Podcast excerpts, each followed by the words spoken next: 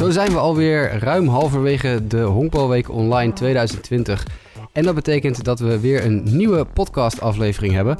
Welkom bij Honkbalweek Luistervoer, de podcast van de Honkbalweek Haarlem. Mijn naam is Jasper Roos.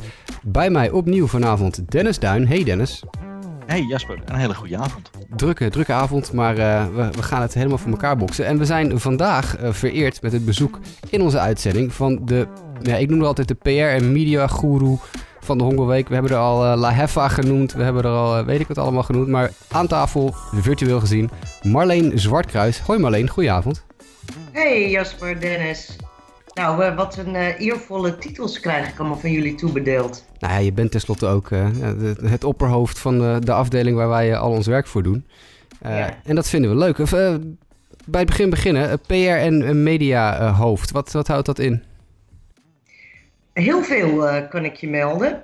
En zeker in deze tijd. En zeker ook in een, in een, een tijd waarin online media heel erg belangrijk is ja, wat houdt het in? Uh, wat ik probeer te doen met mijn team is uh, de Honkbalweek onder de aandacht te brengen bij, bij de media, bij het publiek.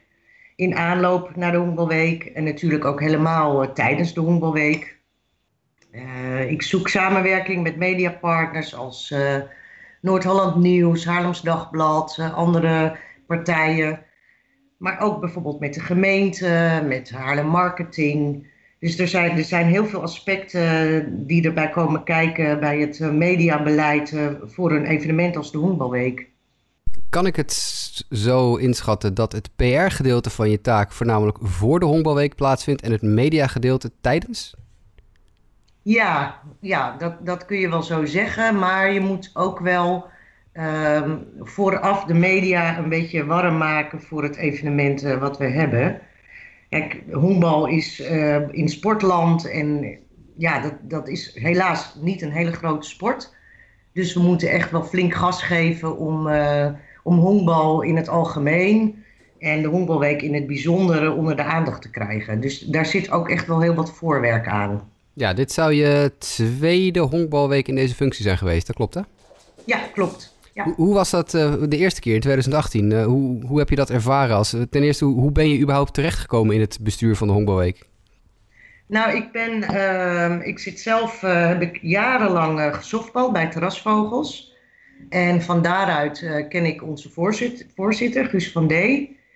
En ik zat tussen twee banen in en ik zag dat de honkbalweek eraan zat te komen. Zo in februari, maart heb ik eens contact opgenomen met Guus. En ik zei, joh, als jij uh, iemand kan gebruiken die wat voor social media kan doen of wat voor PR-activiteiten, be my guest. En uh, Guus heeft dat uh, ter harte genomen en gevraagd of ik wat dingen wilde doen. En uiteindelijk zat ik uh, vanaf maart ehm, bij, de, bij het organisatiecomité. Toen jij in 2018 begon met Honkbalweek, toen ja, begon ik ook eigenlijk de samenwerking met jou. Um, het was, ik kan het je heel eerlijk vertellen, heb ik je vaak verteld, ook een heel, heel vernieuwende manier van omgaan met zaken. Want jij kwam heel erg open, open-minded binnen. Van jongens, ik ga dit doen, maar jullie hebben de ervaring. Dat, dat is ook precies wat het was natuurlijk. Hè? Ik, ik, ik ben vanaf uh, kleins af aan uh, met mijn vader aan de hand het honkbalstadion binnengelopen tijdens de honkbalweek. En ik heb jarenlang op de tribune gezeten maar dan opeens um, in functie als um, communicatiemevrouw, uh, dat is natuurlijk iets heel anders. En ik merkte en voelde meteen dat, um, nou, dat, dat jullie en, en de, alle medewerkers van de Hoenbalweek al jaren met elkaar werken en een, grote familie zijn. Dus ik dacht, nou, ik kan twee dingen doen. Ik ga erboven staan en vertellen wat iedereen moet. Of ik, um, ik dompel me onder in, eh, in, in wat er gebeurt. En dan ga ik daar, daarmee kijken wat nodig is en, en, en wat, wat jullie vooral nodig hebben. En ja, dat, dat was mijn insteek. Maar op het moment dat die Hongerweek af is gelopen, dan ga je natuurlijk meteen alweer kijken naar, naar 2020. En ik heb dat traject een beetje van dichtbij meegemaakt, want ik heb close met jou samengewerkt in de periode voorafgaand aan deze Hongerweek met de livestream en alle andere plannen die we hadden. Er gaat best veel tijd in zitten ook. Waar haal je die vandaan, joh? Nou, dingen die ik mooi vind, daar maak ik tijd voor. En honkbal is een van de dingen die ik heel mooi vind. Dus ja, weet je, soms is het uh, wat andere dingen opzij schuiven en uh, s'avonds laat nog dingen opzoeken of typen. Of, ja, dat gaat vanzelf. Als je, als, ik, als je een passie hebt, dan heb je dat daarvoor over.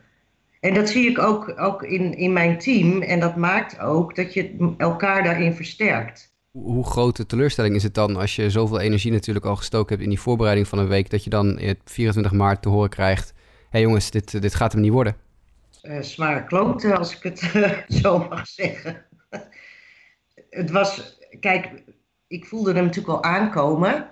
En uh, die hele corona-periode die eraan zat te komen, dat wisten we toen nog niet. Maar die zag er behoorlijk heftig uit. En dan moet je ja, gaan kiezen. En dan kies je toch voor. Um, ja, dan, maak je, probeer je de wijste beslissing te maken. En op het moment dat alle grote evenementen besluiten niet door te gaan, dan is het de meest logische beslissing, hoe lastig ook, om die ook te nemen. Maar dat ging met pijn in het hart, want we hadden er inderdaad al uh, anderhalf jaar werk weer in zitten.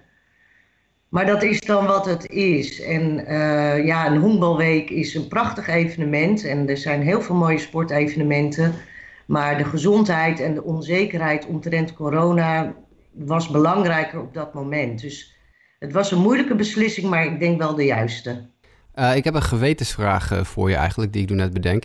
we hadden natuurlijk van de week Leon Ravenstein, de toernooidirecteur, al in de uitzending. Die zei ook van, ja kijk, het zijn het is vervelend natuurlijk dat het niet doorgaat, maar heel veel van de contacten die we al gelegd hebben en dingen die we al gedaan hebben, uh, die, die duwen we gewoon naar over twee jaar. Maar is dat bij PR en media eigenlijk ook zo? Want volgens mij moet je over twee jaar weer gewoon alles wat je nu gedaan hebt nog een keer doen. Weer aan het jasje trekken bij het Haarlems Dagblad, weer bij RTV Noord-Holland langs voor, voor een gesprek om eventjes weer te zeggen, hey, we zijn er weer. Is het, heb je dan het gevoel dat je alles voor niets gedaan hebt? Of heb je toch nog iets van contacten overgehouden uit die voorbereiding waar je later iets mee kan?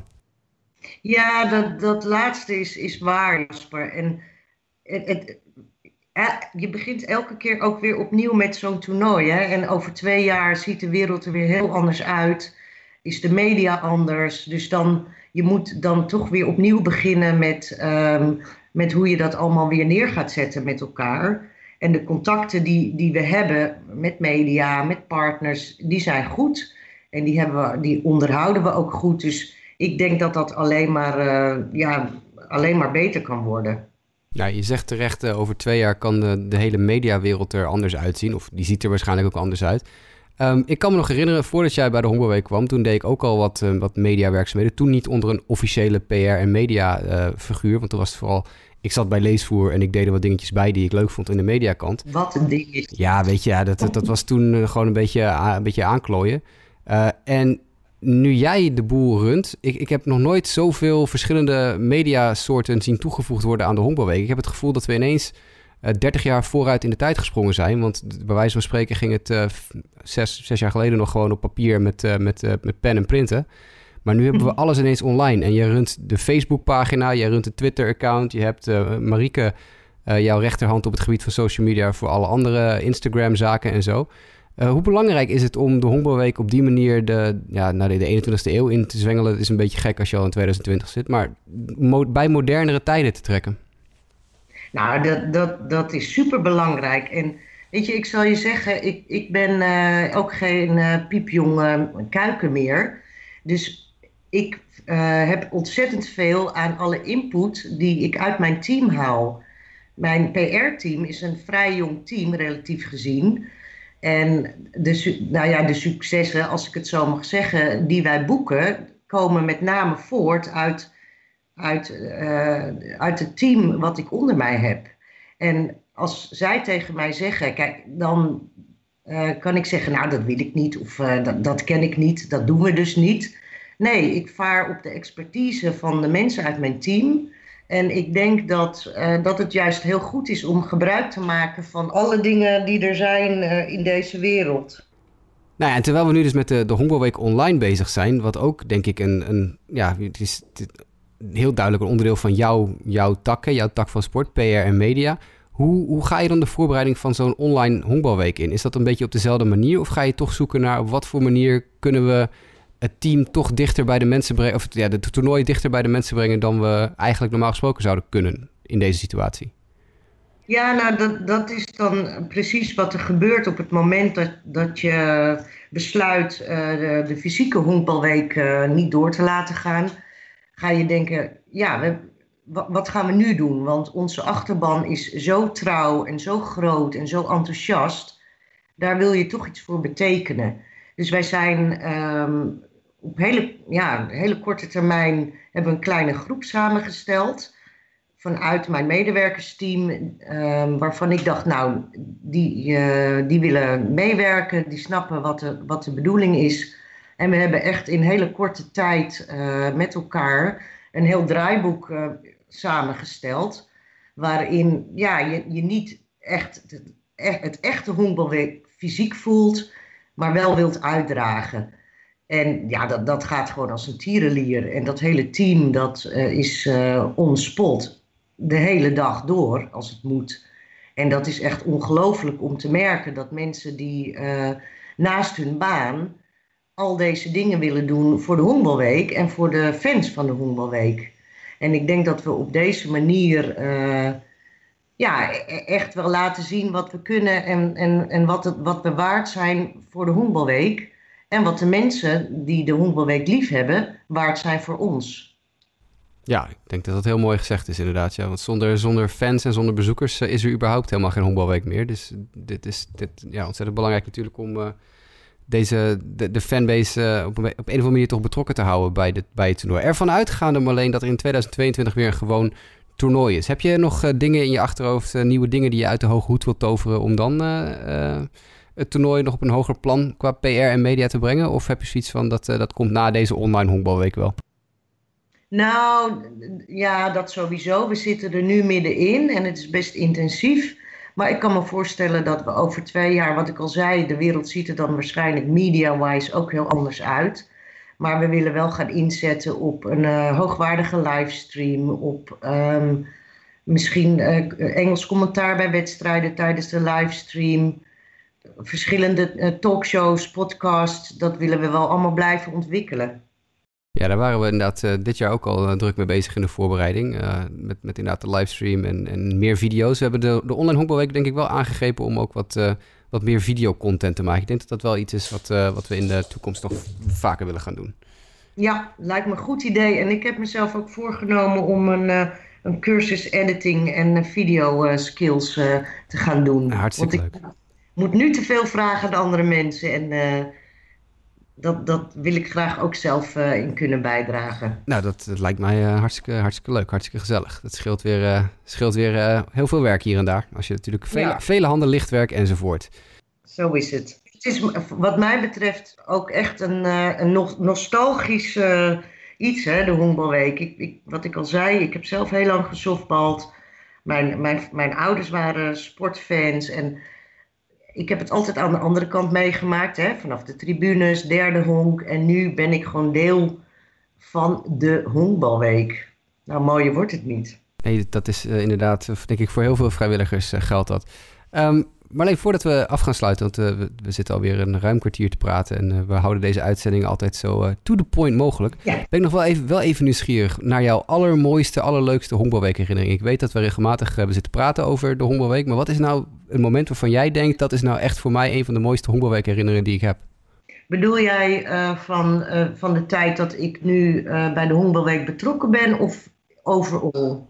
Mag je helemaal zelf weten. Overal is prima, maar als je iets hebt van, nou ja, toevallig heb ik nog iets in mijn hoofd van, uh, van recentere periode, mag dat ook.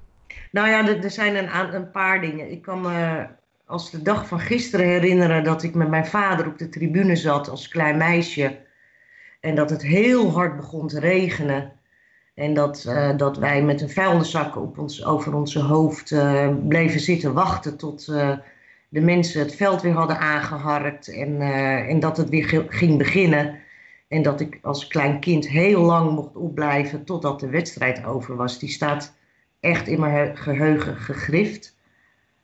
En eh, ja, van, van bijvoorbeeld 2018, mijn eerste jaar bij de Honkbalweek. Tien dagen lang mooi weer, prachtige wedstrijden. Een team wat, wat knalt als een malle. Ja, ja, ik kan niet kiezen eigenlijk, Jasper. Nou, dan moeten we nog maar uh, heel veel mooie herinneringen gaan maken met, uh, met de Honkbalweek en met het PR- en mediateam. Lijkt me een goed idee. Marleen Zwartkruis, hartstikke bedankt dat je even tijd had om uh, in onze uitzending te komen. mochten mensen zich afvragen, ja, hoe, hoe kan ik nou met Marleen praten? Gooi gewoon even een bericht op Facebook. Als de Honkbalweek reageert, is het 9 van de 10 keer Marleen. Yes. Dus dan, dan weet iedereen dat gelijk. 24-7 online. Ja, 100%. Dat is, uh, dat is echt een, een dingetje hoor. Die, die Facebookpagina die, die gaat als een tierenlier onder andere. Nou, Marleen, hartstikke bedankt. Jij ook Jasper. En heel veel succes met je mooie podcast. ja, dankjewel. Spreek je later.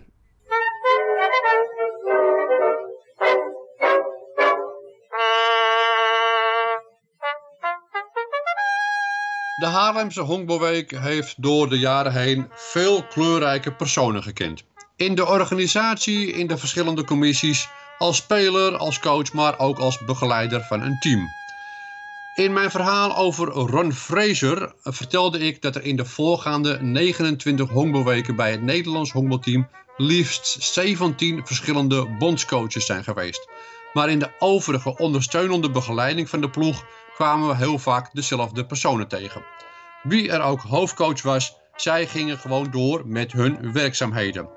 Als we bijvoorbeeld naar het Nederlands honkbalteam kijken, is dat in de jaren 50 en het begin van de jaren 60 bijvoorbeeld Otto Sterman, die als verzorger aan de ploeg was verbonden. Hij masseerde de spelers, maar deed ook heel veel andere klusjes.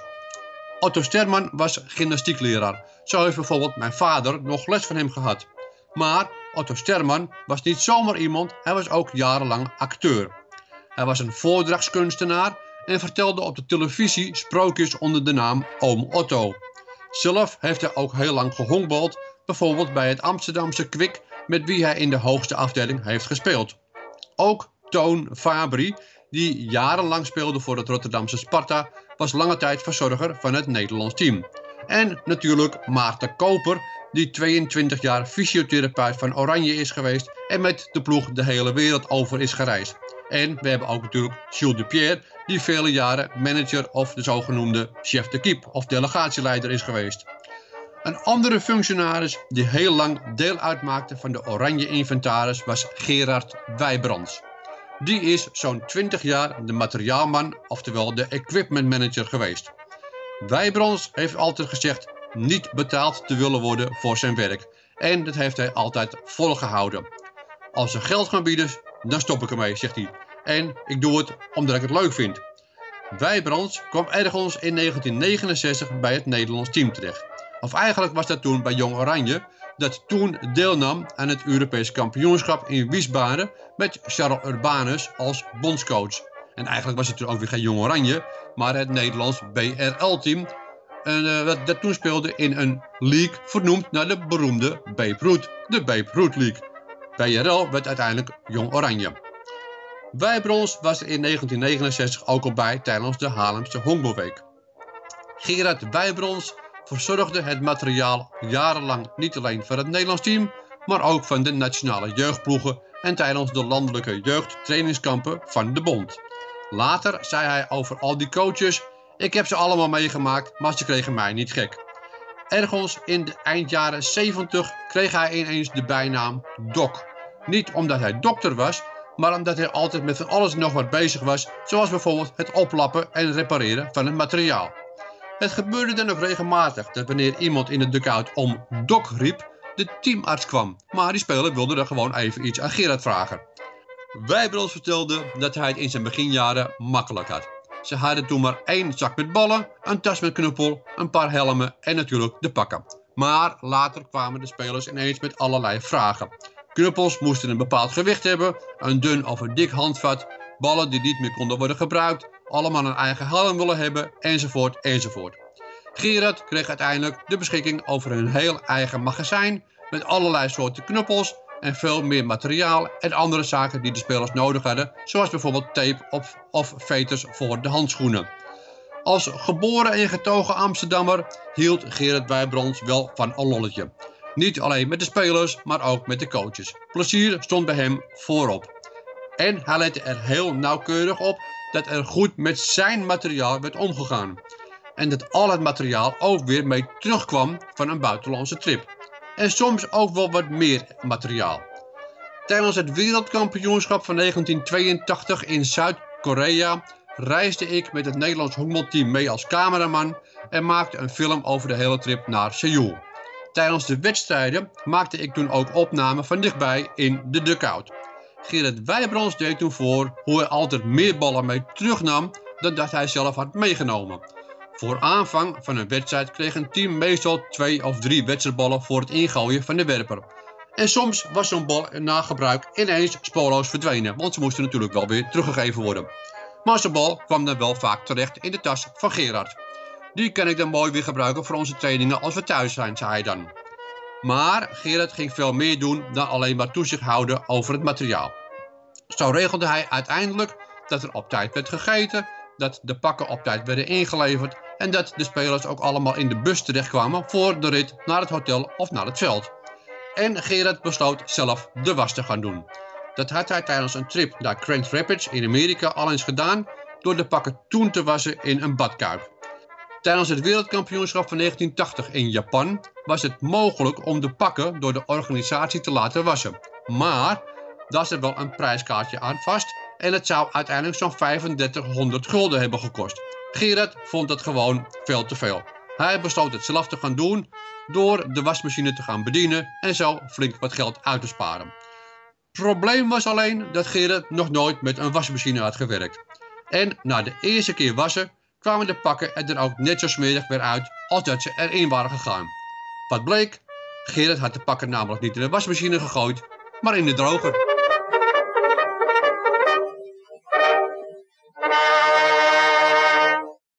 Ja, zo heeft Marco Stovelaar natuurlijk altijd de meest uh, geweldige verhalen te vertellen over de honkbalweekgeschiedenis. En in dit geval, ja, was goed. Wie had het uh, kunnen bedenken? Dennis, we hebben ook aan het einde van deze uitzending weer een like-and-win actie. Wat kan je ons vertellen over de like-and-win van de komende dag? Ja, natuurlijk hebben we een, een like-and-win actie.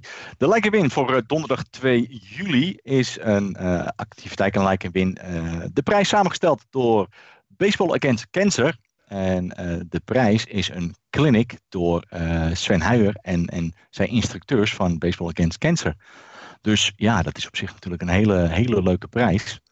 Uh, dus kijk onze, onze social media goed na. En ja, deel, deel en deel. En geef je comments. En, en zorg ervoor dat je die, die mooie prijs kan, kan winnen. Baseball Against Cancer. En de clinic, gegeven door Sven Huijer en zijn team, kan je winnen met Like and Win. Ja, we weten nu natuurlijk na deze uitzending allemaal precies hoe het in de social media en PR-wereld eraan toe gaat. Want uh, dit was de aflevering van Marleen Zwartkruis. We hebben een uh, uitgebreid interview met de PR- en media-guru van de Honkbalweek gehad. Jullie hebben Marco Stovelaar weer gehoord. Uh, kortom, denk ik Dennis, we hebben er weer een aardige uitzending van gemaakt. Morgen in de uitzending hebben wij Paul Lauwman uh, die uh, langskomt, de commercieel directeur van de Honkbalweek. En uh, de rest van deze week krijgen we nog Jeroen Kalverlagen, de DJ van de Honkbalweek. En bondscoach Evert Hoen. En dan zijn we weer rond. Dennis, ik denk dat we het weer goed voor elkaar hebben. Ik ga afscheid van je nemen. En je hebt een hele drukke avond op je werk. Dus ik weet dat jij nog niet klaar bent om naar bed te gaan. Jij moet nog even wat hackers gaan, gaan aanpakken, geloof ik. Ja, wat ongenodigde gasten op een website uh, waar ze eigenlijk niet moeten komen. Ja, gelukkig is het niet de Honkbalweek website die gehackt is. Hè? Dat, uh, dat is het, uh, die is het dichtgetimmerd. Meteen afkloppen, maar nee, dat is hem niet. Ja, gelukkig maar. Dennis, ik wens je een hele fijne avond. Heel veel sterkte. Dankjewel. Hele fijne avond en tot de volgende keer. Tot morgen.